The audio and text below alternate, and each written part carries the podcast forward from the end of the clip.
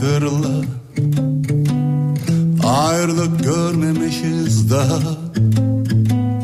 Hep küçük odalarda Hep yarım uykularda. Hatırla kalbim hatırla. Beni hep böyle hatırla. Sabaha ne kaldı şurada? Ömrüme dokunan eller Ellerimi tutan eller Kaybolurum sen unuttukça.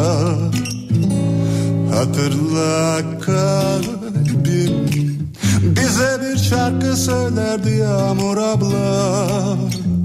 Hatırla kalbim Kilitli sır küpü evler Kim bilir ne incindiler Müzeyyenin sesi nasıl güzel Hatırla kalbim Hatırla kalbim. Büyük uykumuzda yaşayan şeyler. Hatırla kalbim. Bir daha olmayacak şeyler Yeniden olacak şeyler. İlk olmuş şeyler Denizler mahirler. Hatırla kalbim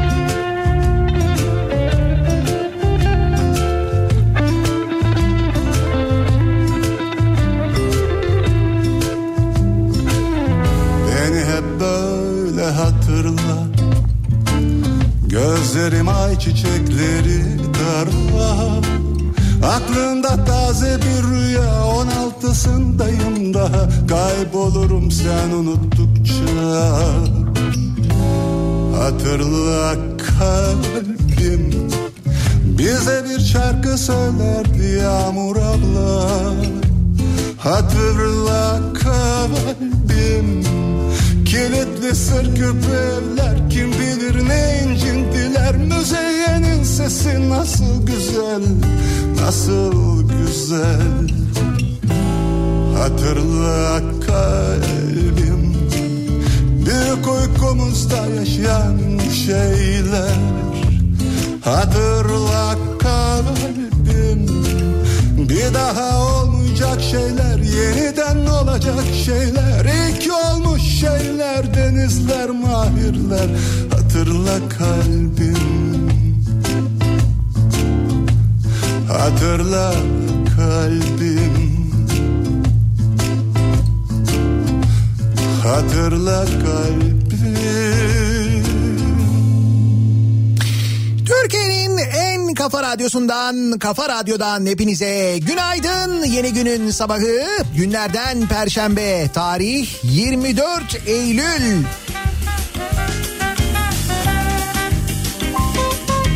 Serin, sisli ve puslu bir İstanbul sabahından sesleniyoruz. Türkiye'nin ve dünyanın dört bir yanına.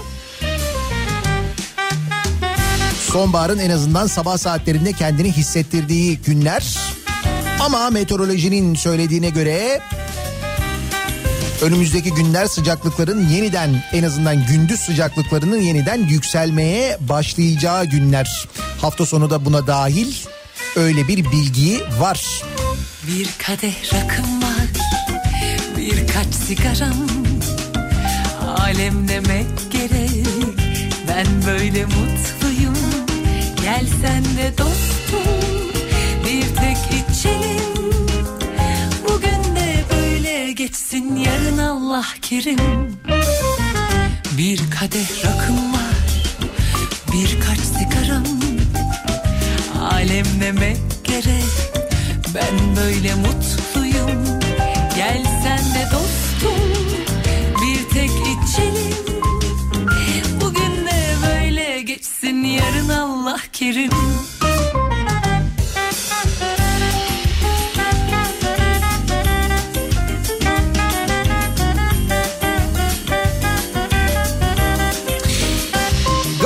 Kaotik, gayet de- depresif günlerden geçiyoruz bir yandan. Yaşadıklarımız, gördüklerimiz, duyduklarımız, ister istemez bir karamsarlığa itiyor hepimizi ve dünya çapında bir salgın yaşanıyor. Bu salgın hepimizin hayatını ciddi manada etkilemiş vaziyette. Maddi ve manevi olarak Böyle durumlarda insan kendisine iyi gelen şeylere yönelmeye gayret ediyor. Bunu bazen istemli bazen istemsizce yapıyor ama yine de böyle bize iyi gelen ne varsa oraya doğru yöneliyoruz. Bu zaman zaman bir e, işte kitap olabiliyor mesela o kitabı okumak iyi gelebiliyor. Belki bir radyo programını dinlemek iyi geliyor olabilir. Bak mesela. Ya da Mesela bir kedi sahibiyseniz bugünlerde kedinizin size ne kadar iyi geldiğini fark etmiş olabilirsiniz. Bir araştırma var kedilerle ilgili de. Ee, İngiltere'de bir araştırma yapılmış. Kedi sahiplerini 5 kategoriye ayırmış araştırmacılar. Kategoriler arasında vicdanlı bakıcı ve hoşgörülü vasi gibi isimlendirmeler yer almış.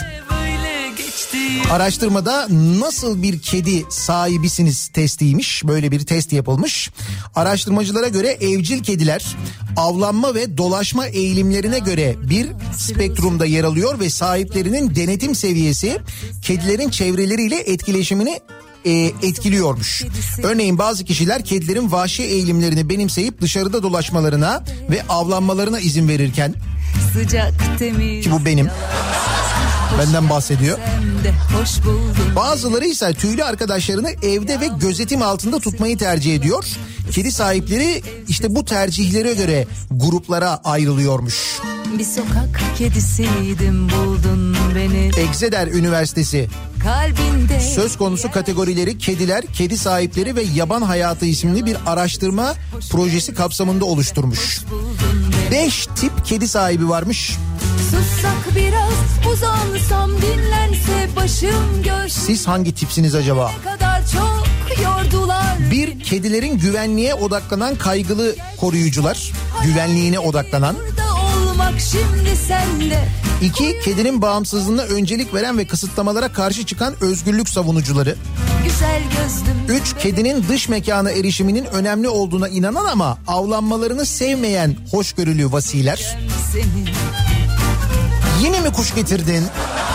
Yakıştırdım kalbine kalbimi. Dört kedilerin yaban hayatı üzerindeki etkisinden endişe duyan ve sorumluluk hisseden vicdanlı bakıcılar. Beş dolaşma ve avlanma davranışları ile ilgili sorunları önemsemeyen ve hayvanın sadece mülkiyet haklarını korumaya amaçlayan ev sahipleri. Abi kedi sahibi olmak bu kadar kafa karıştırıcı olmamalı ya.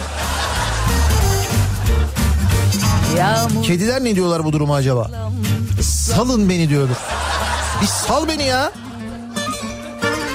Sokak kedisiydim buldun. Ve aradaki miyavlamaların anlamı da bu olabilir zaten. Bir yer açtım.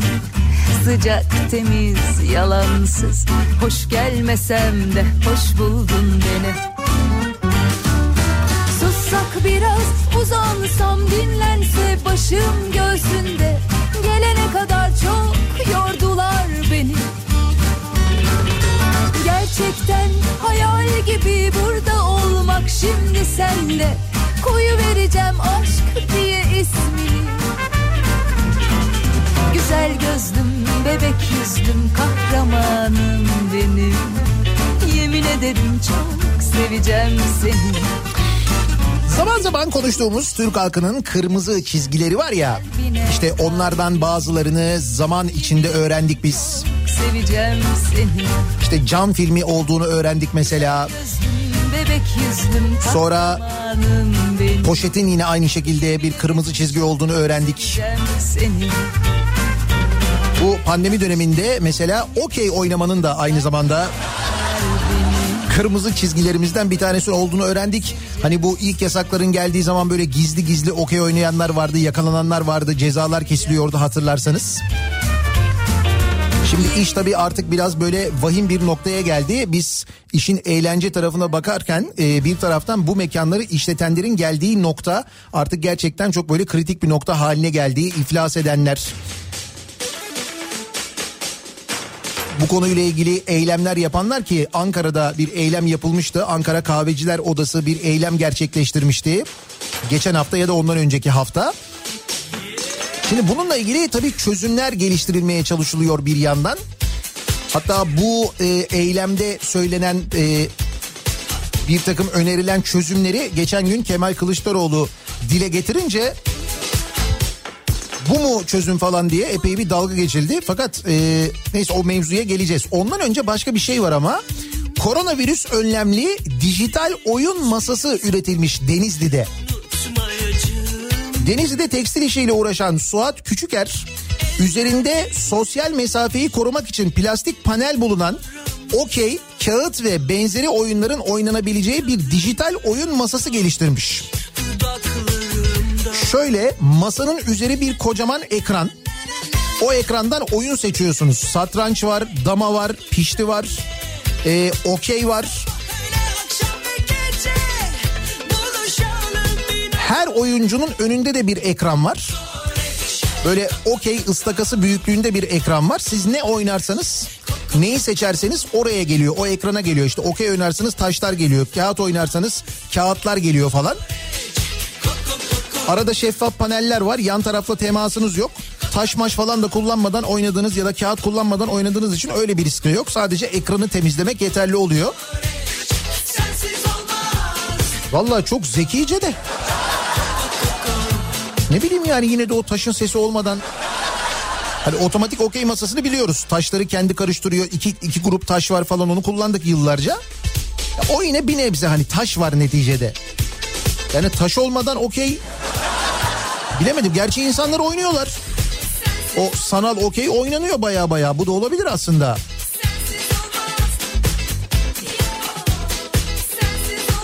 Evet taş çalma olamıyor.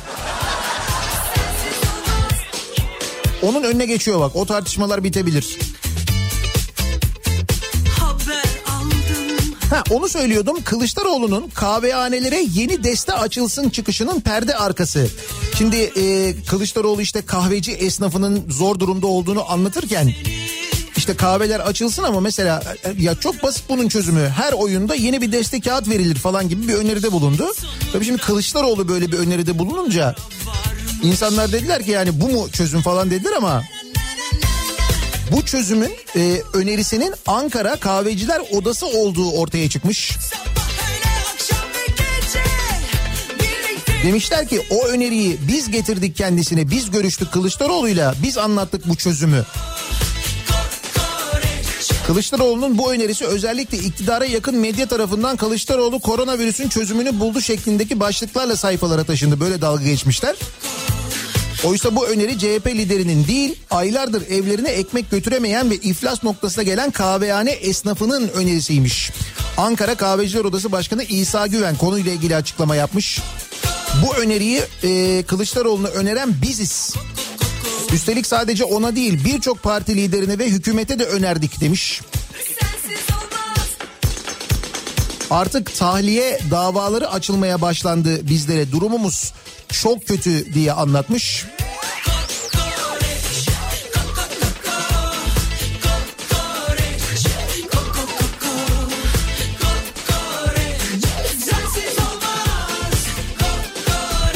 Ama tabii fırsatını bulmuşuz.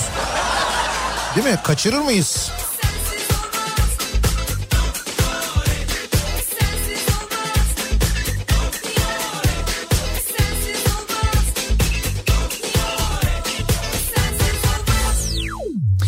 Kedi sahiplerinden e, mesajlar mesajlar geliyor. Bir kedim bile yok diyen de var.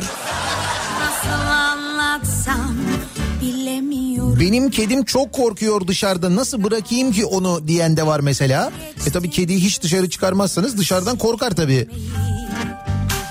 O ilk günler ne güzeldi canım. Anadolu Otoyolu Sabiha Gökçen Havalimanı sonrası yol bitik. Ne değişti. Ne olmuş bir şey mi var acaba bakalım. Yani birazdan detay veririz gerçi ama o bu sabah böyle yol çalışmaları ve kazalar kaynaklı epey sıkıntı var. Orada da bir yol çalışması var bu arada tem üzerinde. Ağzını bozdun, kedi yüzdün, iyi mi ettin, kötü mü ettin bilemiyorsun. Beni çok üzüyorsun.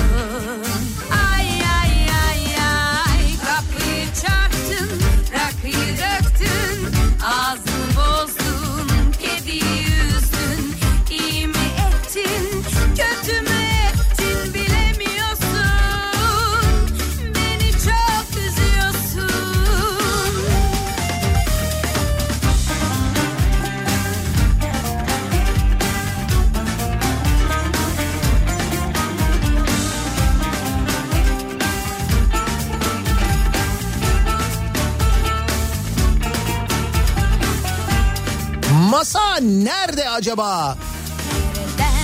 Hangi masa nerede? Dün akşam yayınında konuştuk. Bu sonra sosyal medyada epey bir hadise haline geldi. Ee, şu masa Sirkeci Büyük Postane.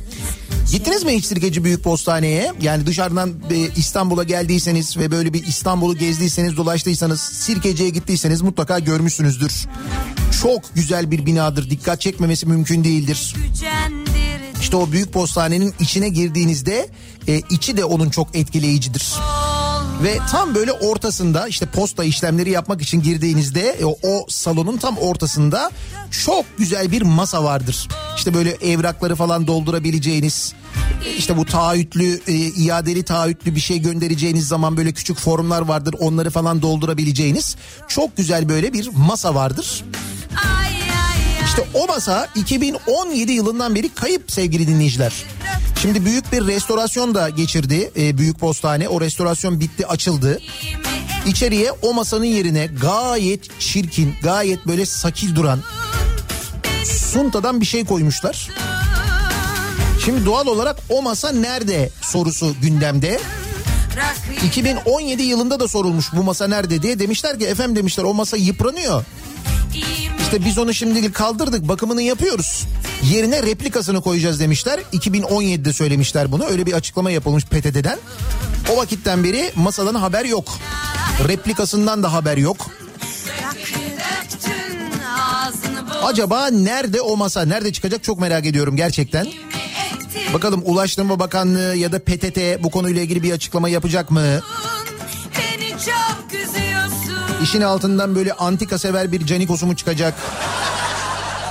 Hakikaten merak ediyoruz ve bu da tabii ki ihtimal dahilinde. Peki nasıl bir sabah trafiğiyle güne başlıyoruz? Hemen dönelim detaylara bir bakalım. Kafa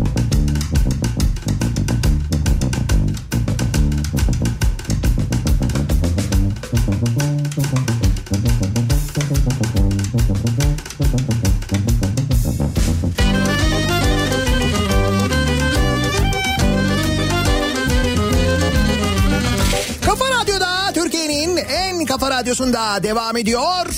Daha 2'nin sonunda Nihat'la muhabbet. Ben Nihat Sırdar'la. Perşembe gününe başlıyoruz birlikte. İstanbullulara bu sabah karayollarının hem Anadolu yakasında hem Avrupa yakasında minik minik sürprizleri var. İki yakada da normalde çok daha erken bitirilmesi gereken çalışmalar bitirilmediği için kaos var trafikte. Daha böyle güne başlarken bu şekilde 1-0 hatta şu anda 2-0 geriden başlamak biraz e, yıpratıcı olsa da önümüzdeki haberlere bakıyoruz. Dolar Bey'e bakıyoruz diyecektim ama bence bakmayalım.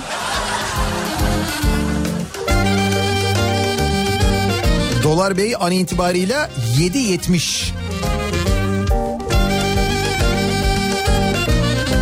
Euro 9.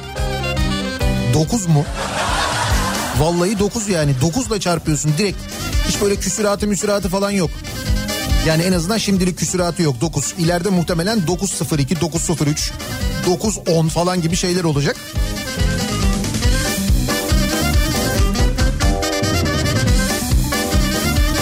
Bunların hesabını yaparken bizi dolandırmaya çalışanlar yeni yeni yöntemler bulmaya devam ediyorlar. Telefon dolandırıcıları, internet dolandırıcıları, birebir bankaların internet sitelerinin sahtelerini yapanlar ve insanları buraya yönlendirenler derken şimdi dolandırıcılar Sağlık Bakanlığı ismini kullanıyorlarmış. Sağlık Bakanlığı tarafından sağlanan 3 bin lira sosyal destek ödemenizi almak için hemen tıklayınız. Diğer sitelere itibar etmeyiniz. Bir de onu da yazmışlar bak. Diğer dolandırıcılara itibar etmeyin bize itibar edin diyor. Biz daha itibarlı dolandırıcılarız. Bu şekilde SMS gönderiyorlarmış insanlara. Bu SMS'in vatandaşları dolandırmak için atıldığı linke tıklanması halinde bütün hesapların ele geçirilerek içinin boşaltıldığı belirlenmiş. Ayrıca Sağlık Müdürlüğü yetkilileri bakanlığın sadece vatandaşların sağlık problemleriyle ilgilendiğini, Türkiye'de yardım yapacak kurumun Aile Çalışma ve Sosyal Hizmetler Bakanlığı birimleri olduğunu söylemiş. Ki onlar da yapmıyorlar zaten. Yani yapıyorlar da öyle herkese yapmıyorlar. Ayrıca dolandırıcıların diğer dolandırıcıları da saf dışı bırakmak için diğer sitelere itibar etmeyin diye uyarması dolandırıcılar arasında rekabet var düşünebiliyor musun? Halbuki dolandırıcılar da böyle daha büyük kuruluşlar gibi kendi aralarında anlaşsalar. Deseler ki mesela şu alanda biz yapalım, bu alanda siz yapın, şu alanda da siz yapın. Bölüşteler mesela. Kardeş kardeş değil mi?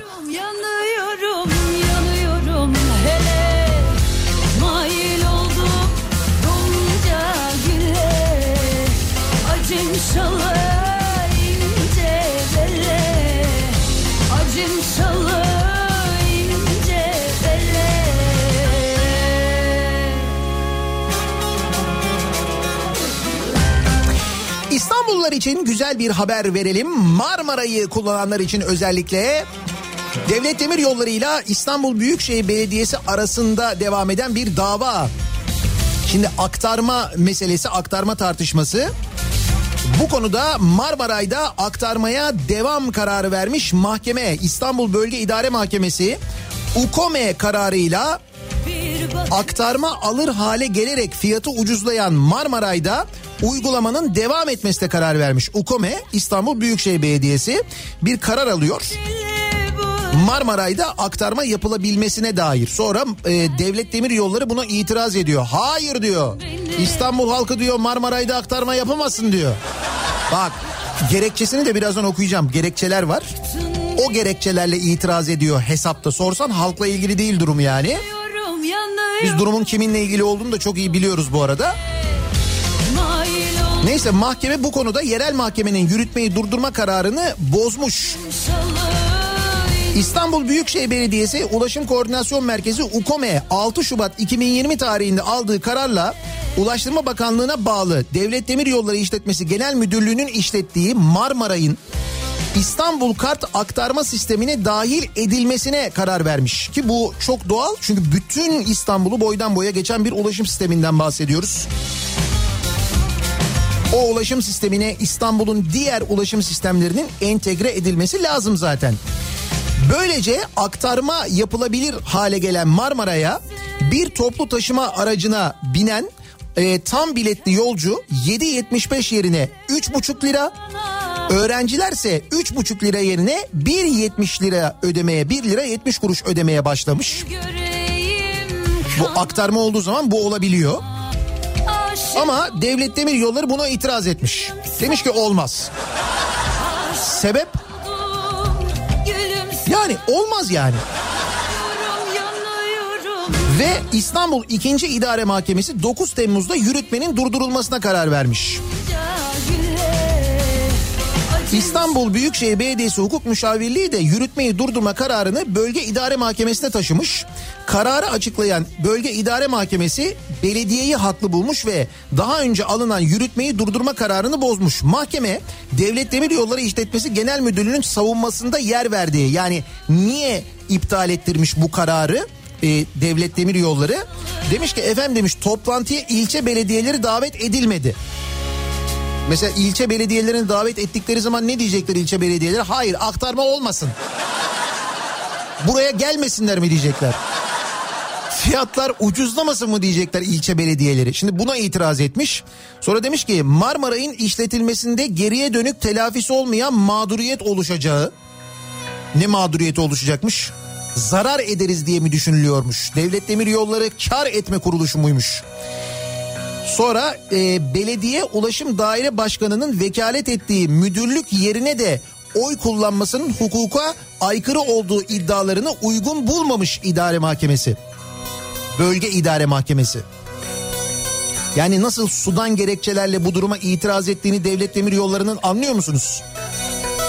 Şimdi bu kararla birlikte Marmaray Marmaray'da artık aktarma yapılabiliyor bugünden itibaren. Böylece bir toplu ulaşım aracından yani otobüse bindiniz, otobüsten indiniz, Marmaray'a bindiniz.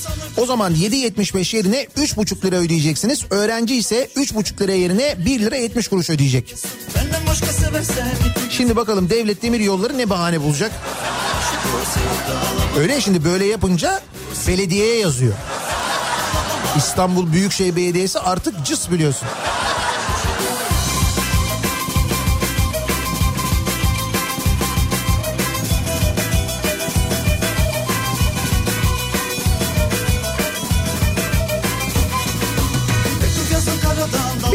Gelmişken söyleyeyim bu devlet demir yollarının yine e, kontrolünde olan oranın işlettiği onların sorumluluğunda olan şu Sirkeci Yedikule tren yolu hattı var. Hani eski banliyö hattı orası duruyor biliyorsun istasyonlar sağlam duruyor.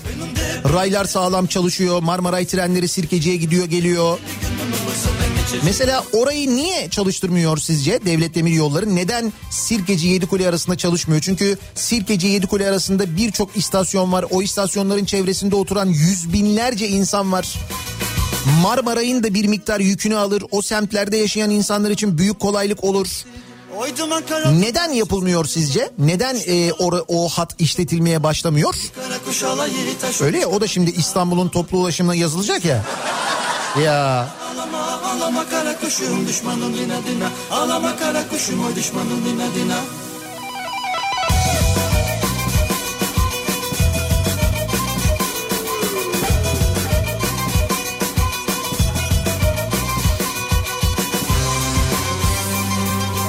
Bolu Abant İzzet Baysal Üniversitesi'nde kişiye özel kadro açıldı.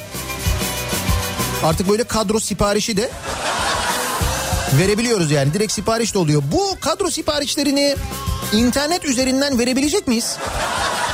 Mesela yakın zamanda öyle şeyler de yapsak. Abant İzzet Baysal Üniversitesi tarafından ilan edilen akademik personel kadrolarının belirli bir adayı tarif eden özel şartlar sunması dikkat çekti. Çocuk gelişimi öğretim görevlisi kadrosu için yapılan ön değerlendirmeyi 5 kişiden sadece biri geçebildi.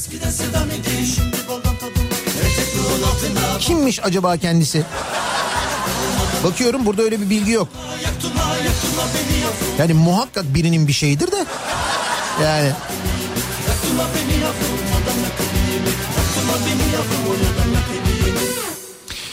Bir de e, belediyelerin çalışmaları var ki işte mesela Başakşehir Belediyesi ne yapmış? Parkın içinden yol geçirmek istemiş.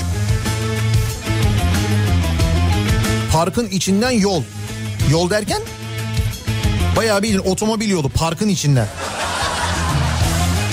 Çok büyük bir park herhalde. Rahatsız olmuşlar. Bu kadar büyük park olmaz canım. Kaldı ki biz Başakşehir Belediyesi'nin mesela Bahçeşehir'deki göletten de nasıl rahatsız olduğunu bu kadar büyük gölet olmaz canım diyerek oranın nasıl canına okuduğuna da hep beraber şahit olduk. Üstelik mahkeme kararlarına rağmen mahkeme yapmayın demesine rağmen hiç mahkeme kararlarını falan da sallamayarak orada e, bina yapılmasına, imar e, imar değişiklikleri yapılmasına, oranın da betona gömülmesine müsaade etti. Değil mi? Başakşehir Belediyesi yaptı bunu. Orası Başakşehir Belediyesi'ne bağlı. Şimdi aynı belediye ilçe sınırlarındaki Hayat Park'ın içerisinden yol geçirmek isteyince yurttaşlar bu duruma tepki göstermiş. Hayat Park. Böyle Hyde Park değil de güzel espri. Şimdi sorsam mesela efendim e, neticede yolda hayatın içinde. Yol olmadan hayat mı olur, medeniyet mi olur değil mi canım? Can yürekte yürek sende kaldı. Al da gel. Bana yine yüzünle gel. Çadır kurmuşlar insanlar. Başakşehir'deki bu parkın içine buradan yol geçmesin diye. Gönlüm sende kaldı. Al da gel. Yana yana yaz oldu kışım. Kor oldu düşüm. Şimdi çadırı dün kurduklarına göre Ya bugün ya yarın müdahale gelir. Gerekçe de hemen hazır efendim pandemi döneminde böyle bir eylem yapmanız. Tabii canım. Yalnız şöyle bir durum var. Pandemi döneminde tabii eylem yapmak böyle toplu işte böyle eylemler e, gerçekleştirmek için kalabalıkların bir araya gelmesi falan. Bunlar biliyorsunuz sakıncalı. Ama tabii bu eylemi kime e, yaptığınız ve nerede yaptığınızla da ilgili. Mesela e, şöyle diyelim. Şöyle bir örnek verelim. Çanakkale'de diyelim ki Kaz Dağları'ndaki ormanların korunması için bir eylem yapıyorsanız o zaman jandarma sizi gözaltına alıyor. Sebep de pandemi. Siz burada eylem yapamazsınız pandemi var olmaz bir araya gelemezsiniz diyor. Jandarma böyle söylüyor. Ama mesela İstanbul'un göbeğinde taksiciler İstanbul Büyükşehir Belediyesi'ni protesto etmek için eylem yaptıkları zaman o zaman hiçbir şey olmuyor. Yani evet pandemi kuralları var. Eylemler e, buna göre yani mevki ve yere göre değerlendiriliyor. Taksiciler İstanbul Büyükşehir Belediyesi önünde 6000 taksi plakası projesini protesto etmiş. Yüzlerce taksici konvoy halinde İstanbul Büyükşehir Belediyesi tarafından teklif edilen 6000 taksi plakası projesini protesto etmek amacıyla Saraçhane'de bulunan belediye binası önünde eylem yapmışlar. tek sözünle gel Gözüm yolda Şimdi bakın bu konuyla ilgili e, tartışma çok uzun süre yapıldı zaten. E, işte yeni bir taksi modeli ya da yeni bir ulaşım modeli geliyor kabul edilmiyor. E, işte deniyor ki bu yasa dışı bu işte Uber'i kastediyorum. Uber'i biliyorsunuz engellediler. Tamam peki taksi plakası olsun yeni taksi plakası olsun taksi plakaları işletmesi bu şekilde olmasın galericilerin elinde olmasın bu plaka ağlarının elinde olmasın. Onun için bu işi resmi yolla halledelim deniyor. Ona da hayır diyorlar. Ne yapalım yani Hani bu işin düzelmesi için çünkü şöyle bir şey var bakın dün bu eylem yapılmadan önce taksici dinleyicilerimizden ama taksi şoförlüğü yapan dinleyicilerimizden gelen mesajlar vardı. Taksi şoförlüğü yapanlar onlar da destekliyorlar bu durumu. Çünkü diyorlar ki buna karşı çıkanlar taksi plakası sahipleri. Çünkü taksi yeni taksi plakaları verildiğinde onların plakalarının kıymeti düşecek. Bütün dert aslında bu. Ve taksi plakası sahipleri taksilerini kullanmadıkları için ki Anadolu'da böyle değil İstanbul'da böyle o plakaları çalıştırdıkları için o plakanın çalıştığı arabada umurlarında değil, hizmette umurlarında değil, o arabada kimin çalıştığı da umurlarında değil. Onların tek derdi o yövmiyeyi almak. Dolayısıyla taksiyi kullananın da canı tehlikede oluyor. Yani taksicinin de canı tehlikede oluyor. Kötü arabalar kullandıkları için, o arabalarda doğru düzgün güvenlik önlemi alınmadığı için, o arabaların belli bir standardı olmadığı için. Bunun yanında sigortaları olmuyor mesela. 3 kuruş paraya çalıştırılıyorlar. Yövmiye sürekli artıyor. Plaka sahipleri tarafından sürekli artıl, arttırılıyor. Şimdi bu mesela belediye tarafından belli bir standarda getirilecek. Belediyeye ödenecek kira. Belediye o taksiyi çalıştırırken o taksiyi kiraya verirken bütün yasal sorumlulukların yerine getirilmesini sağlayacak. Yani bu taksi sürücüsü için iyi bir şey. Arabalara standart getirilecek. Taksi müşterisi için iyi bir şey. Bir tek taksi plakası sahibi için kötü bir şey ki o protesto ediyor işte.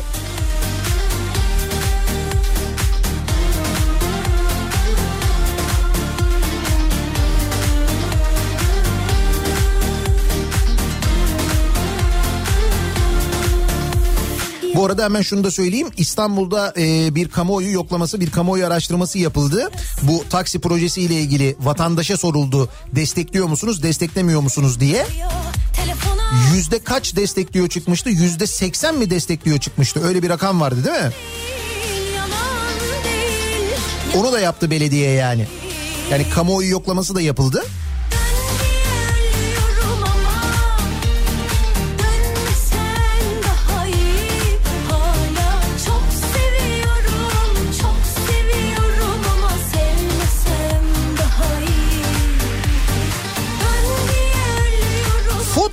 Güç savaşı. Yavaş yavaş her mecra karışıyor farkında mısınız? Her yerde bir takım kavgalar çıkıyor. Çekirdek yetişmiyor. İktidar içindeki bölünme spor medyasına da yansıdı. Cumhurbaşkanına yakınıyla bilinen Rıdvan Dilmen'in İbrahim Seten, Mehmet Aslan, Ersin Düzen ve İsmail Er gibi isimleri hedef göstermesi spor basınını ikiye bölmüş gibi gözüküyor. Yaşananlar iktidar içindeki güç savaşının futbol sahasına yansıması olarak değerlendiriliyor. Öte yandan TRT'nin spor programlarında dağıttığı dudak uçuklatan paralar Ersin Düzen'in şahsında tartışma konusu olmaya devam ediyor. Ha bu konuyla ilgili gelişme var bu arada. Ee, o akşam yani bu pazar akşamı mıydı? Neydi? Neydi? Pazar mı? Pazartesi akşamı mıydı? Pazartesi akşamı o Rıdvan Dilmen'in açıklamaları sonrası işte Fatih Altaylı'nın açıklamaları falan derken Ersin Düzen demişti ki benim ayda 400 bin lira aldığımı ispatlayayım ben bundan sonra ekrana çıkmam demişti. Şimdi e, düzenli dinleyenler hatırlayacaklardır. Biz bundan 2-3 sene önce bu Ersin Düzen'in aldığı daha doğrusu kurduğu şirket üzerinden aldığı parayla ilgili konuşmuştuk. Çünkü o zaman bir milletvekili e, bu konunun peşine düşmüştü. TRT'den ne kadar para aldıklarını sormuştu. TRT o zaman yanıt vermişti.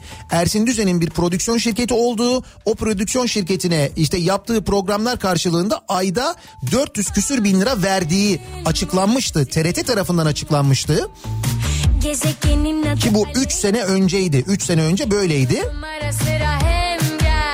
Muhtemelen Fatih Altaylı'nın bahsettiği o 400 bin lira o 400 bin lira. Nitekim dün yazdığı yazıdan da anlıyoruz ki Diyorlar benim için farklı o 400 bin liraymış. Dün bir yazı yazmış. TRT'nin üst yönetiminden ismini vermek istemeyen bir kişi aramış Fatih Altaylı'yı. Ersin Düzen'in programı için 2017 yılında ayda 400 bin lira artı KDV aldığı bilgisini doğrulamış. Demiş ki Fatih Bey Ersin Düzen'in Futbol Federasyonu'ndan kaç lira maaş aldığını bilemem. Bu arada bir de Futbol Federasyonu iddiası var. biri Onu da dün Barış Yarkadaş yazdı. Ersin Düzen Futbol Federasyonu Başkanı ve Başkan Vekiline danışmanlık yapıyormuş. Ne konuda danışmanlık yapıyormuş? Ee, gidiyormuş televizyonlarda konuşulanları anlatıyormuş onlara. Öyle bir danışmanlık var mı ya? Böyle televizyonda konuşulanları anlatayım işte dizilerden bahsedeyim. Bak bu hafta Babil çok heyecanlıydı falan diye böyle. Ben geçtim o yolları Ben yaparım öyle bir danışmanlık istiyorlarsa eğer. İşte onu bilmiyoruz. Futbol Federasyonu konusunu bilmiyoruz ama bu konuyla ilgili Ee, yaptığı program için 2017 yılında ayda 400 bin lira artı KDV aldığı doğru bir bilgidir. Kendisiyle yapılan anlaşma böyleydi. Ancak bu Ersin Düzen'in maaşı değil program için bir ayda ödediğimiz paraydı. Buna diğer katılımcıların aldığı telifler ve programın hazırlanmasında yapılan harcamalar dahildir. Bu arada Ersin Düzen fatura karşılığı bu parayı bizden alırdı. Teknik altyapıyı yani kamera varsa montaj, stüdyo işleri TRT imkanlarıyla bizim tarafımızdan sağlanırdı demiş. Bu da güzel prodüksiyon. Maliyetsiz yani. TRT de dün bir açıklama yapmış bu arada. TRT de demiş ki Ersin Düzen bizden 27.500 lira maaş alıyor demiş. TRT de öyle bir açıklama yapmış bu arada. Sevdim Heh, CHP İzmir Milletvekili Atilla Sertel 2017 yılında TRT'nin açıkladığı listeyi sosyal medya hesabından paylaşarak Ersin Düzen'in şirketinin TRT'den ayda 412 bin lira aldığını duyurmuştu diyor. İşte biz bunu konuşmuştuk hatırladınız mı? Kağıt Ya biz bunu 3 yıl önce biliyorduk yani. Ama o zaman kimse sallamamıştı. Aşkımın peşindeyim çok istersem alırım Hiç sevmem oyunları ben geçtim o yolları Çıkarın hikayem bu benim masalım Aşkımın peşindeyim Hakikaten masal gibi yani 400 bin lira güzel para. Bir de yolları 3 yıl önce düşün. 3 yıl önce onu dolara yatırmış olsam bugün Bu benim hikayem bu benim masalım Aşkımın peşindeyim çok istersem alırım biz de ne düşünüyoruz? Acaba doğalgaza elektriğe zam gelir mi? Kış geliyor ya. Elektrik ve doğalgaz zamlarının bir yıllık faturası ortaya çıkmış. Üstelik bu Türkiye İstatistik Kurumu tarafından açıklanan verilere göre konutlarda kullanılan elektriğin fiyatı sevgili dinleyiciler bir yılda yüzde 32.3 doğalgazın fiyatı ise yüzde 34.7 yükselmiş. Ama enflasyon böyle değil değil mi? Hiç. Şimdi kış geliyor bakalım ne olacak?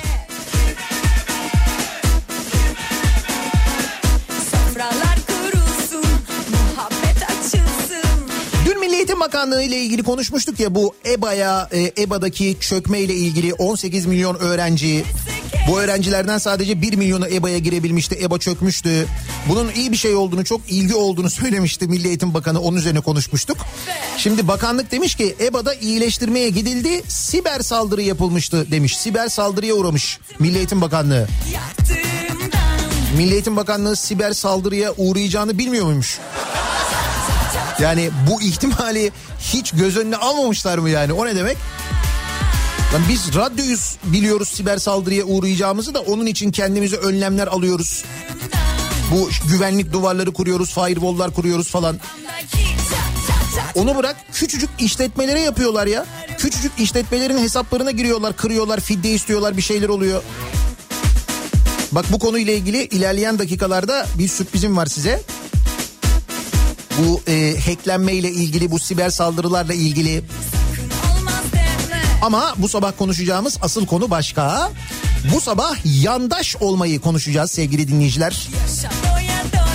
Neden bu konuyu konuşacağız? Çünkü Yavuz Bingöl'ün bir açıklaması var.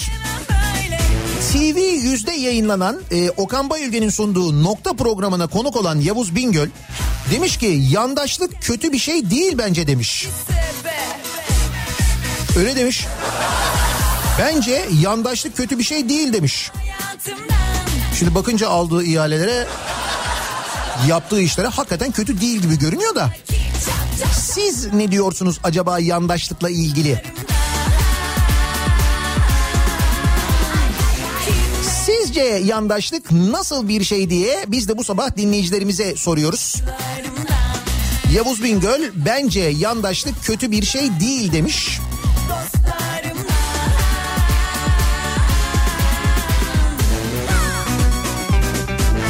Sizce yandaşlık nasıl bir şey acaba? Bence yandaşlık bu sabahın konusunun başlığı. Sosyal medya üzerinden yazıp gönderebilirsiniz mesajlarınızı. Twitter'da an itibariyle böyle bir konu başlığımız, bir tabelamız, bir hashtagimiz mevcut. Bence yandaşlık başlığıyla yazıp gönderebilirsiniz mesajlarınızı. nihatetnihatsırdar.com elektronik posta adresimiz.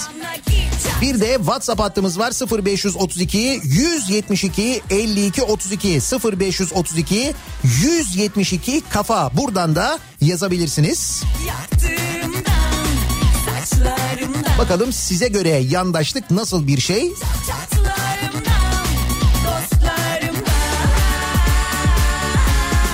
Bir ara verelim. Reklamlardan sonra yeniden buradayız.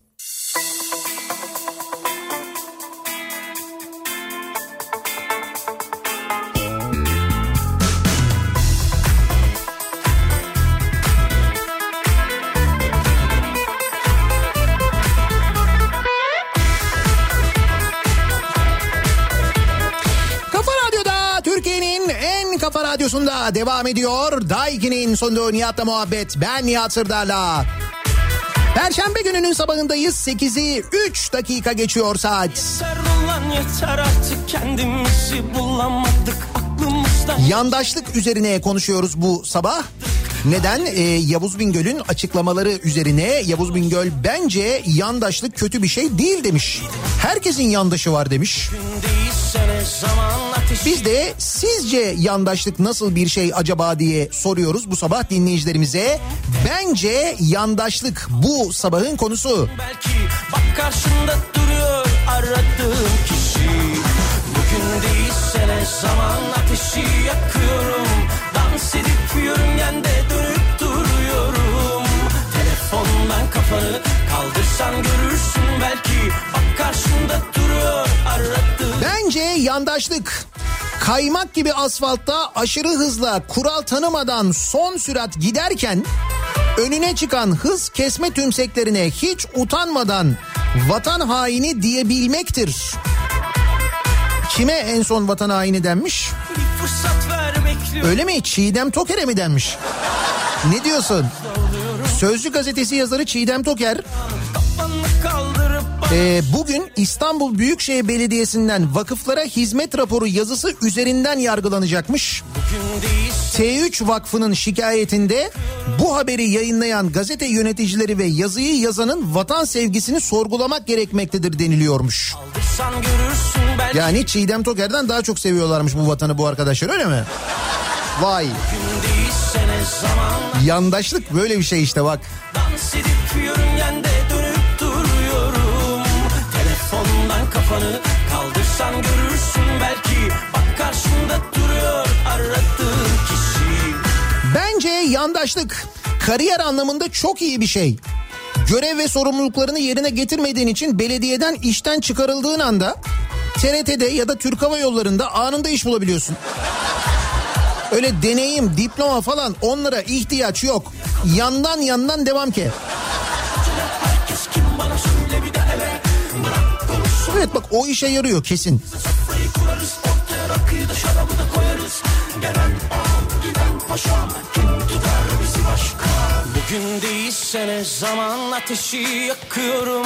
Bence yandaşlık günah işleme özgürlüğüdür diyor Özlem. Aa, bak bu da olabilir.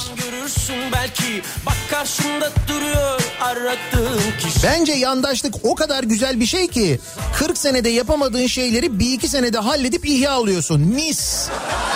Tadından yenmez. Telefondan kafanı kaldırsan görürsün belki Bak karşında duruyor aradığın kişi Bence yandaşlık sağ solu aynı samanla beslenip eee, at gözlüğüyle yaşamak. Sonunda da samanı ithal edip atı öldürmek ama tabii. Bir de onun sonu var diyor Ercüment. Bence yandaşlık kafayı rahatlatan müthiş bir uygulama. Bir şey düşünmeye, kendini yormaya gerek yok. Yandaş ol, rahat et. Herkes yandaş olsa ülkemiz gibi olacak ama işte bu dış mihraklar herkesin yandaş olmasına izin vermiyorlar değil mi?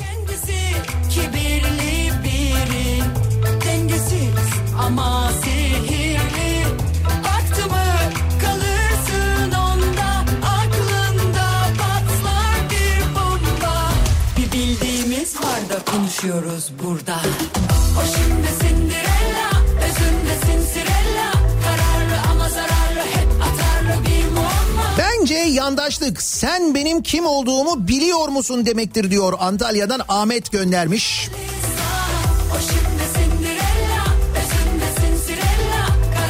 Herkes patikadan giderken senin bölünmüş yoldan gitmene benzer yandaşlık diyor Arif.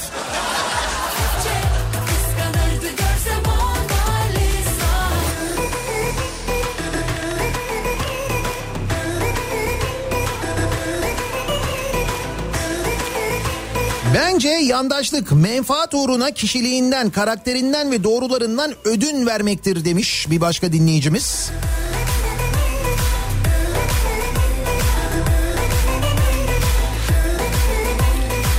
İstanbul'dan Gökhan bence yandaşlık hani bizimkiler dizisinde bir replik vardı.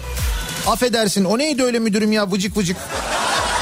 Bayanlar baylar gösteri birazdan başlar Sahnede bir yıldız var oyunculukla aldı Oscar Ya yanındasındır bu cenderenin ya da dışında.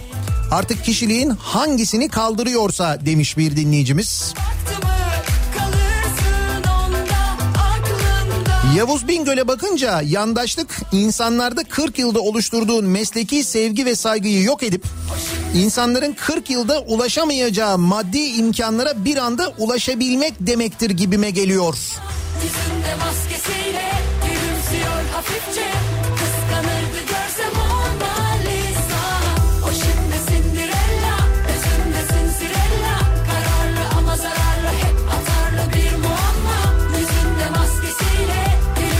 Bence yandaşlık fena değil de uzun süre yaptığın zaman omurgada esneklikten kaynaklanan deformasyon bir de dilde cılk yara elde ve dudakta pişiye sebep olabiliyor. Ha, sağlığa etkisi var diyorsunuz siz. Yandaşlığın değil mi? Öyle bir durum da var evet.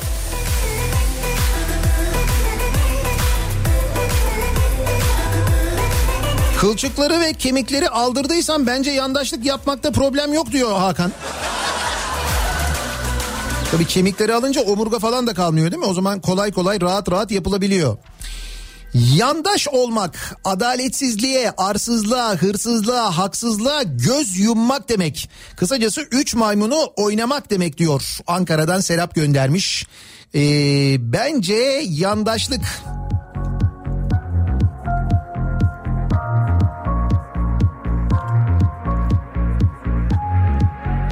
Bence yandaşlık insanın kendisine yakışmayanı giymesidir. Tabii yandaş olunca bunu göremesin. Ha bunu göremezsin kendini kral zannedersin diyor imdat.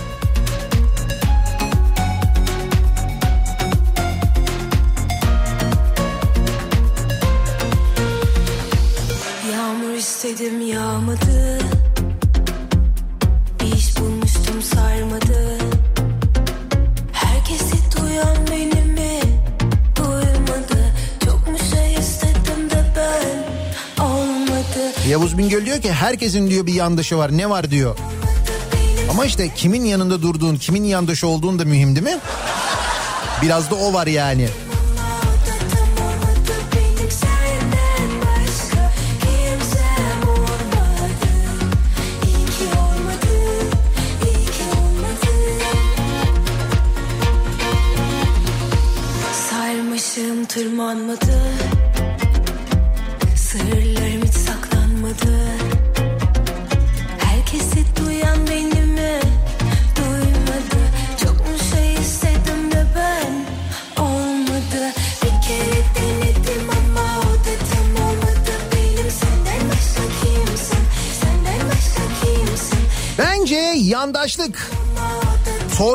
Olup mülakatları kazanmaktır.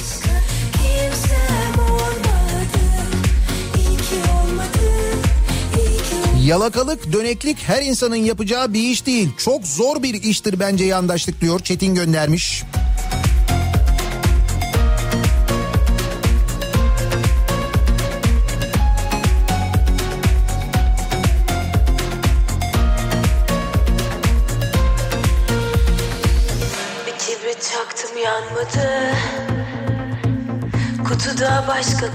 Bence yandaşlık, kör kütük sorgulamadan nereye çekerlerse oraya gitmektir. Koyun gibi de diyebiliriz belki buna diyor Defne.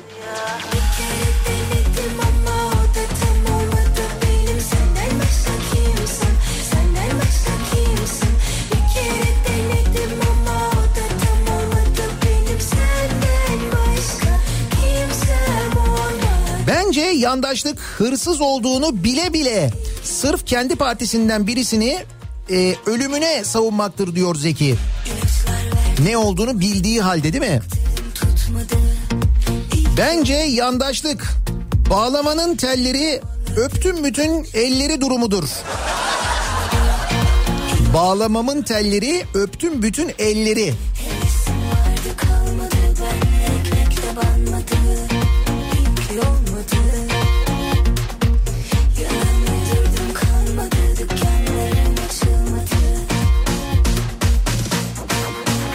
Yalnız bir yandaş listesi yazmış bir dinleyicimiz o kadar uzun ki. Hakikaten bu kadar çoklar mı ya?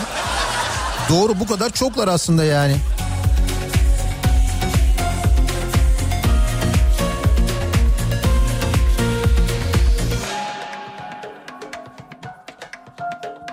Bence yandaşlık yeri geldiğinde boş damacana gibi kapının önüne koyulmaktır demiş bir dinleyicimiz. Üstelik o boş damacana olduğun halde de hiç böyle e, itiraz etmemek duruma değil mi? Aksine yandaşlığa devam etmek. İşte bir umut. Belki yarın öbür gün yine bir şey çıkar falan diye.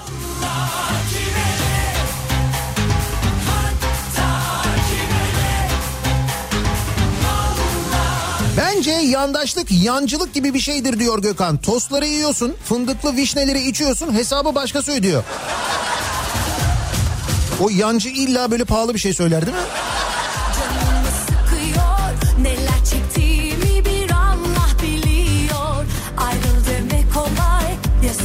Çilesi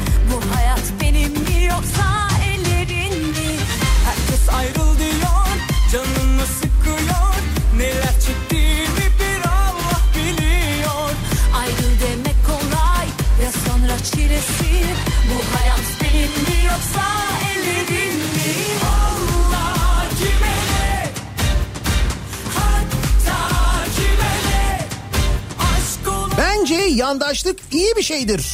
Emek vermeden, çabalamadan sırf biat, övme ve yalaka sistemiyle çalışan son 7 yılın en harika kazanım şeklidir. Evet sistem olarak baktığımızda doğru gerçekten çalışıyor yani. Ve kazancı da var üstelik.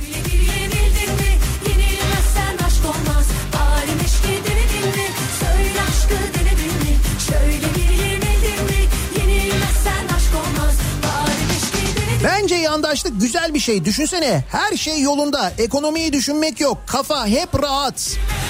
Benim tanıdığım bir iki yandaş var. Böyle saniyede 32 kez iyi düşünebiliyorlar.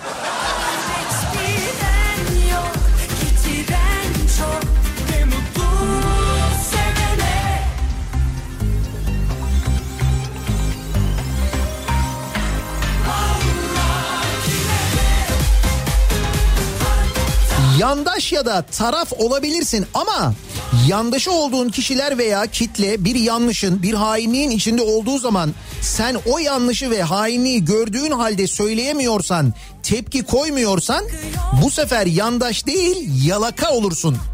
Antalya'dan Taner göndermiş. kolay ya sonra çilesi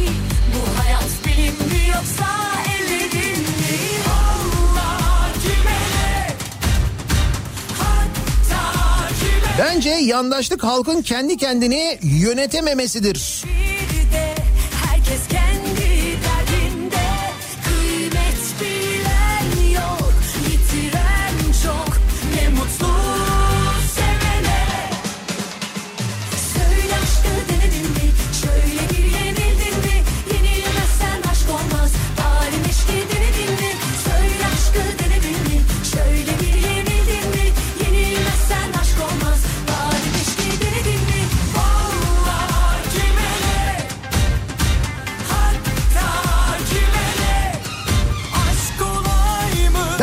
Yandaşlık midesi her şeyi kaldırmaktır. Kör kütük bencilliktir. Hep bana hep bana doyumsuzluğudur. Arkadaş ne kadar geniş bir şeymiş bu yandaşlık. Ne kadar fazla özelliği varmış meğerse, ne kadar fazla kriteri varmış meğerse ve ne kadar faydası varmış aynı zamanda.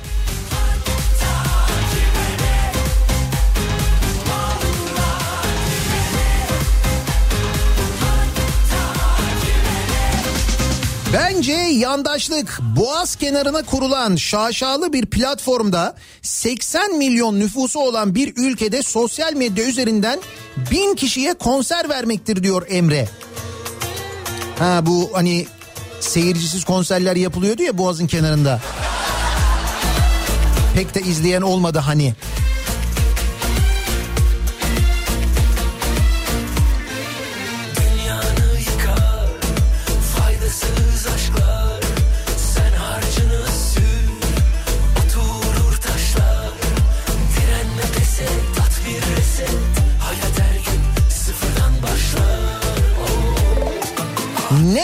Vasıfsız birini görsem genelde yandaş oluyor zaten demiş bir dinleyicimiz. Yandaşlar nasıl yandaş oluyor ben de bunu merak ediyorum. Yandaş olmak için başvurmamız gereken bir yer var mı? Yani birkaç yer var evet.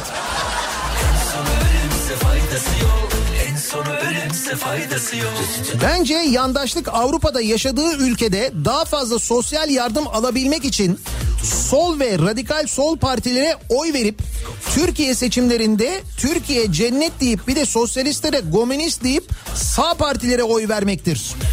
Ayrıca günlük euro kurunu takip edip Türkiye'de harcarken ülke çok gelişmiş ya her şey bol burada demektir diyor e, yurt dışından bir dinleyicimiz yazmış. Şu videoyu izlediniz değil mi? Hani Almanya'da yaşayan bir çifte bir röportaj yapıyorlar. Burada Türkiye'de yaşayıp şikayet edenlere nankör diyorlar. Cennette yaşıyorsunuz farkında değilsiniz diyorlar. Peki siz niye cennete gelip burada cennette yaşamıyorsunuz diye sorunca Canım o başka bir şey şimdi yani. Direnme Tat bir reset Hayat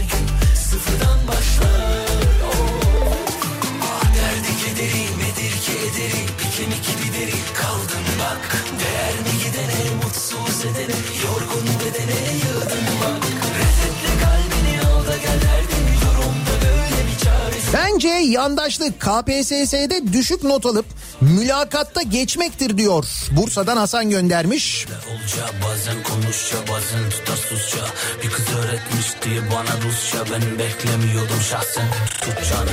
Musti biliyor hangi kalbin atacağını. Uçağın rotarsız kalkacağını. Ucu kaçık her mevzuya dalacağını. İyi düşün kız kimlerle yatacağını Bence yandaşlık dünyanın en kolay işi. Alternatifi yok deyip geçersin. Çalıyor ama çalışıyor dersin geçersin. Bu ikisini söyleyip her tartışmanın içinden çıkabilirsin. Doğru aslında bak bu ikisini ezberliyorsun.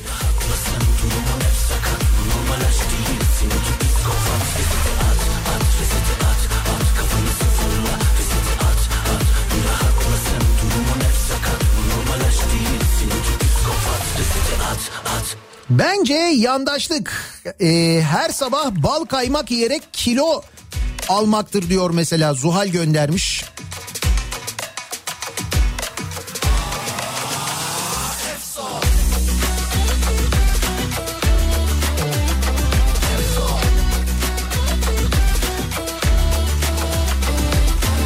Bence yandaşlık kendini ikna edemediğin konulara başkasını ikna etme çabasıdır. Bak bu da güzel bir özet, güzel bir tanım mesela. E Yaşıyoruz ani irtifak kaybı Dinletemiyorum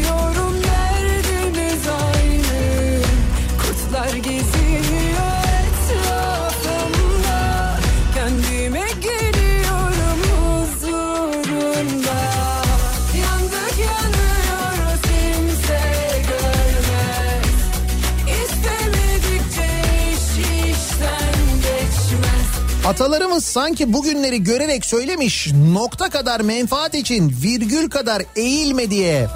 İnsanlar küçük bir çıkar elde etmek, haksız kazanç sağlamak için insanlık onuruna yakışmayacak şekilde başkaları önünde eğilip bükülmemeli. Şerefiyle dik durmalı diyor bir dinleyicimiz. Kendimize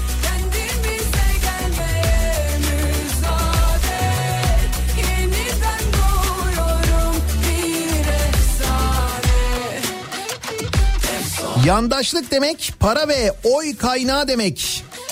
Normalde bütün vatandaşların yandaş olduğu bir ülke mutlu bir ülke olur.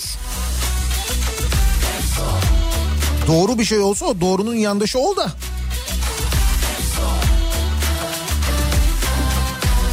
Soldan bir bahane Tekrar yola çıkıyoruz Az bir müsaade Temiz bir nefes alıyoruz Yaşıyorsun sanki her gün Bence yandaşlık para demek, ihale demek, rant demek.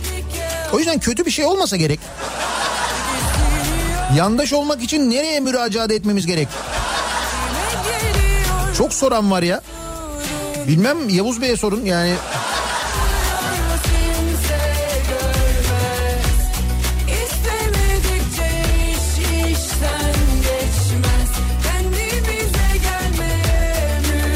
Bu sabah EBA'da yine sıkıntı var mı? EBA'ya giremiyoruz diye mesajlar geliyor ama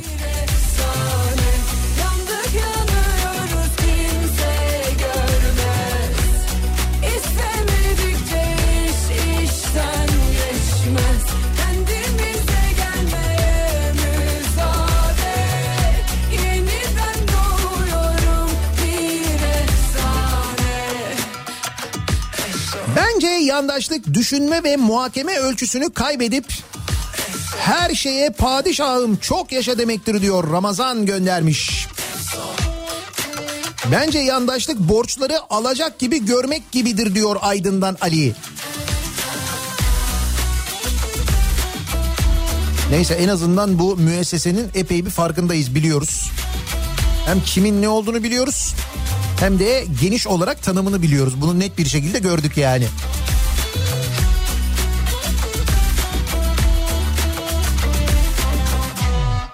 Bir ara verelim. Reklamların ardından yeniden buradayız. Sen kendine hiç güvenme Üç günlük dilber Senin hakkından gelirim ben sevgiyle Aşklar tükettim ben Ne bayramlar gördüm Hissediyorum sen benim için doğrusun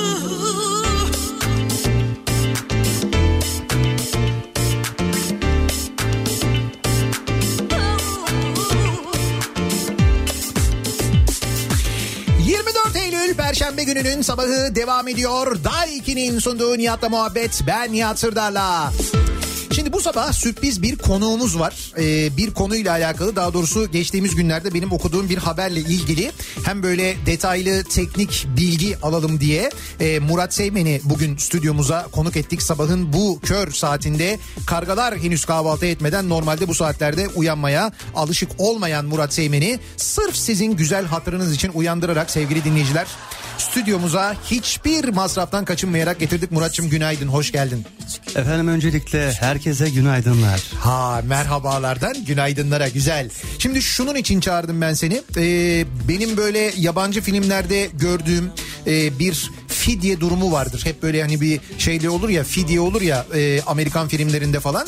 O fidyenin artık dijital olanı var ve o maalesef Türkiye'de de yaşanmaya başlamış. E, geçtiğimiz günlerde böyle bir benim bir tanıdığımın aslında işletmesi. Yani öyle devasa bir işletmede değil yani küçücük bir işletme aslında. Böyle hani bir kobi diyebiliriz. Siber saldırıya uğramış. Yani şirketin hesaplarına e, siber saldırı olmuş. E, taş çatlasın 20 kişinin çalıştığı işletmenin e, verilerini böyle daha çocuk olduğu tahmin edilen bir siber saldırgan komple ele geçirmiş ve e, karşılığında fidye istiyormuş. Hem de bitcoin olarak istiyormuş fidyeyi.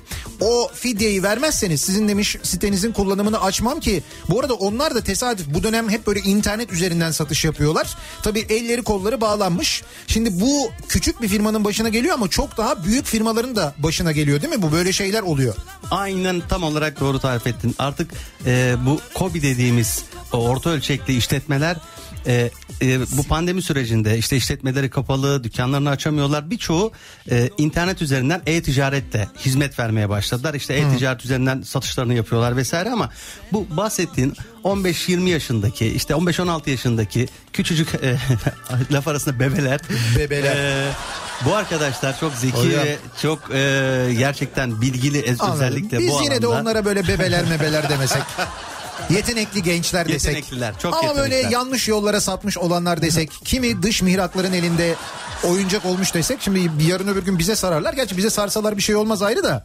Şimdi ben şunu soracağım. Ee, bu senin mesela bu, bu konuştuğum firmanın haricinde çok büyük firmalarda da aynı şey oldu. Ee, tabii Eskiden algı şeydi bu e, işte saldırılar işte büyük bankalara yapılıyor telekomünikasyon şirketlerine yapılıyor devletlerin e, işte e, sistemlerine saldırı yapılıyor. Hep bunları duyardık biz. Artık devir değişti.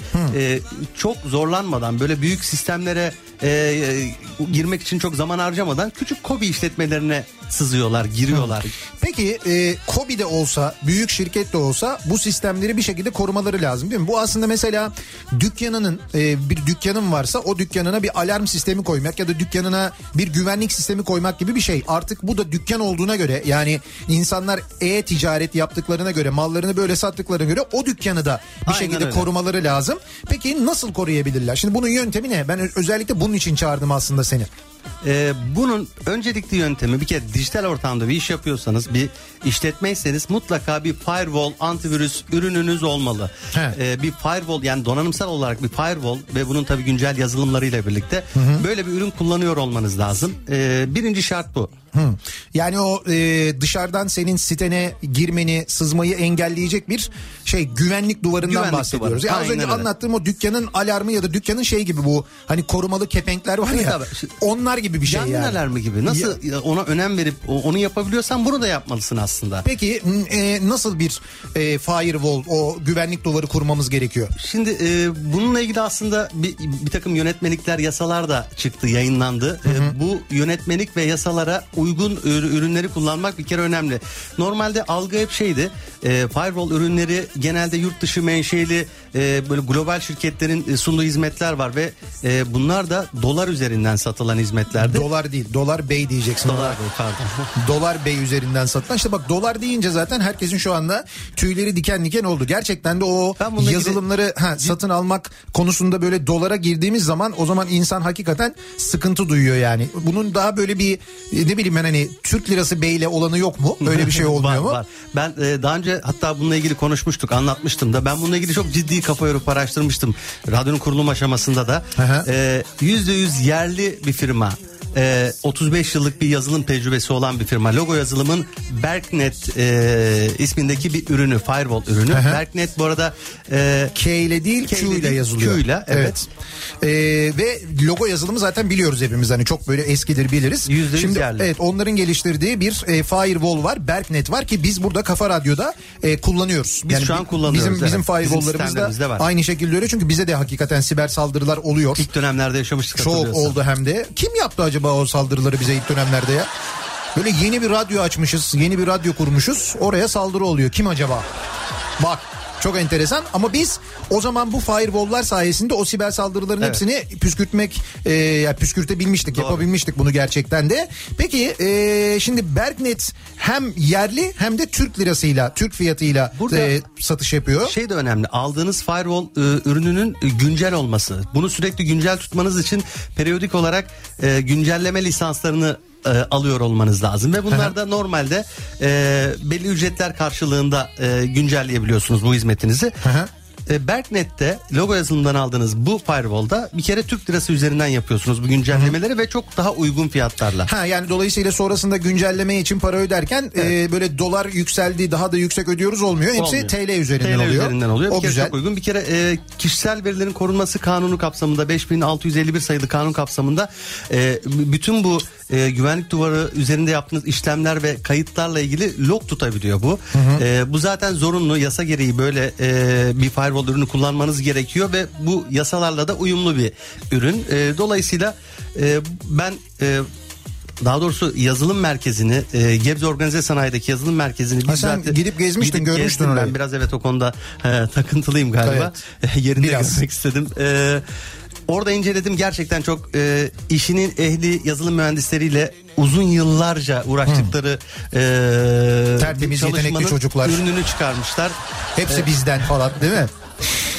Ya biz burada e, nasıl e, ulaşabileceğinizi de en son söyleyelim. Berknet.com'a girerek buradan ulaşabilirsiniz ama K ile değil Q ile yazılıyor. Q ile. Berknet. Aslında- Berknet.com'dan e, ulaşabilirsiniz. Bu e, firewall ürününün burada şimdi tabii iki özelliğini biz anlattık ama aslında sayamadığım daha birçok özelliği var. Evet. Web Ben sitesine- bıraksam onları da sayacaksın Hayır, sen de. Ben sabah sabah bu kadar e, teknik bilgiyle kafanızı doldurmayayım ama Berknet'in sitesinden e, bütün detayları tek tek inceleyebilirsiniz. Berknet.com e, sitesinden e, düzeltiyorum. E, doğru doğru berknet.com sitesinden bütün detayları e, orada e, görebilirsiniz, Evet. inceleyebilirsiniz. E, size e, telefonla ulaştığınızda da destek verebilirler. Buradan tavsiye ediyorum yani. Tamam çok teşekkür ederim Murat'cığım. Sen öyle bir tavsiye ettin ki şu an ben yayını bırakıp alasım geldi. Yani Biz aldık. Evet, ben- biz aldık da doğru. Evet doğru doğru bizde var aslında. Çok teşekkür ediyorum. Sabahın ben bu teşekkür saatinde ederim. buraya geldiğin için bizimle birlikte olduğun için sağ ol.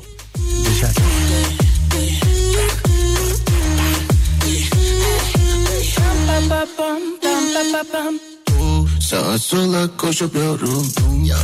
Murat Eymen'i uğurladıktan sonra devam ediyoruz. Yandaşlıkla ilgili konuşmaya bence yandaşlık. Yavuz Bingöl'ün e, Okan Bayülgen'in programında söylediği bence yandaşlık kötü bir şey değil açıklaması üzerine yandaşlık sizce nasıl bir şey acaba diye bu sabah dinleyicilerimize sorduk. Yine kendini sakla bir ton laf edip yine kandıramadın onu git o zaman ya da Bence yandaşlık böyle dopamin, endorfini bu denli salgılayacağım başka bir ilişki yoktur. Pır pır uçarsın. Popona tekme vurulma ihtimali de seni hep diri tutar. Bak yazarken bile etkilendim. Nereye başvursam acaba diyor Zeynep. Gayet teknik bir açıklama olmuş sizinkisi. Güzel ama.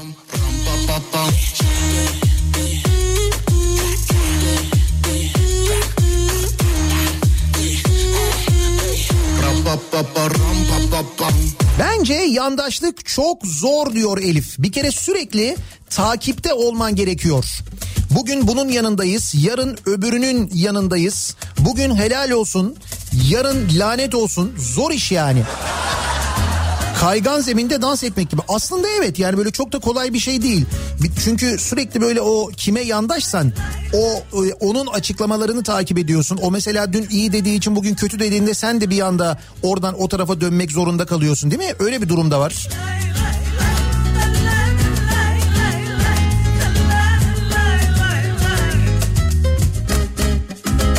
Her karşıma çıkana dört elle sarıldım Her yüzüme güleni dost sandım yanıldım Kalbimde yer yok artık Bence yandaşlık. Kimseler bilmezken güreş minderinden banka yönetim kuruluna giden gizli ve bereketli yolu bulma becerisidir. Doğru.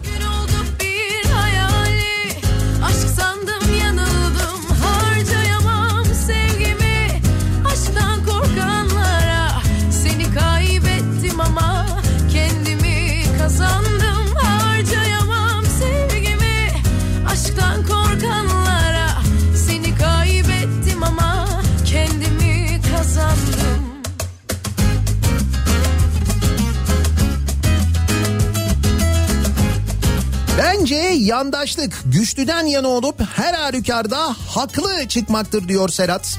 Sonuca bakıyorsun gerçekten de öyle oluyor.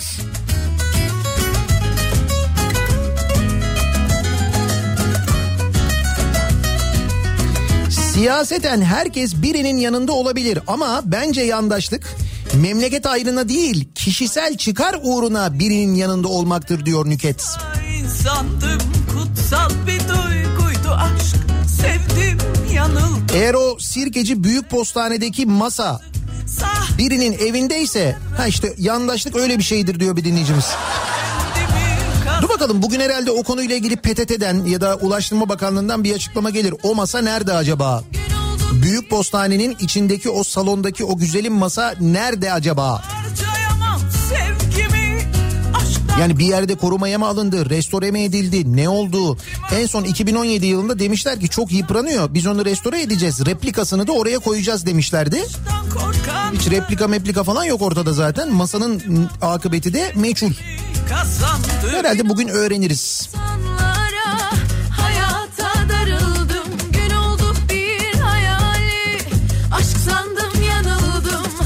Yandaşlık nasıl bir şey acaba diye soruyoruz. Bu sabah dinleyicilerimize bence yandaşlık bu sabahın konusu. Bir ara verelim. Reklamların ardından yeniden buradayız.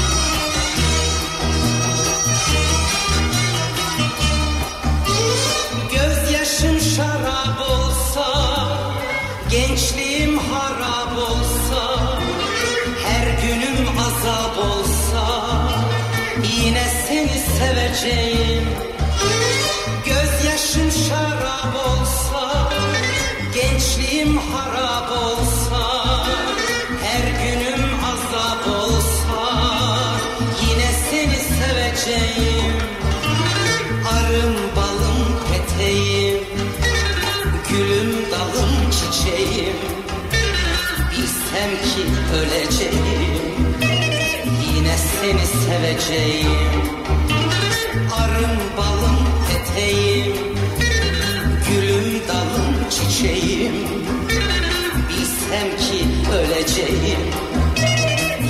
seni seveceğim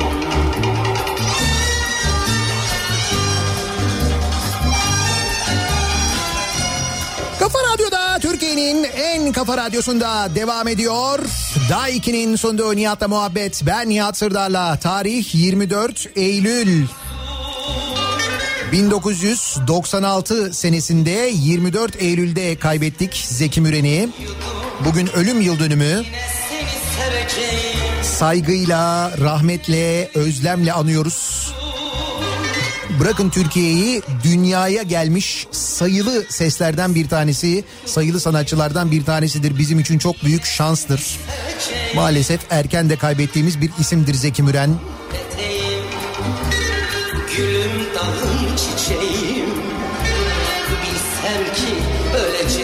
Mikrofonu Kripto Odası'na Güçlü Mete'ye devrediyoruz. Türkiye'nin ve dünyanın gündemi son gelişmeler birazdan Kripto Odası'nda.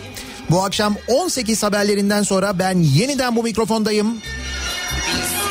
Tekrar görüşünceye dek hoşçakalın. Yine seni seveceğim Yine seni seveceğim Yine seni seveceğim Yine seni Never change.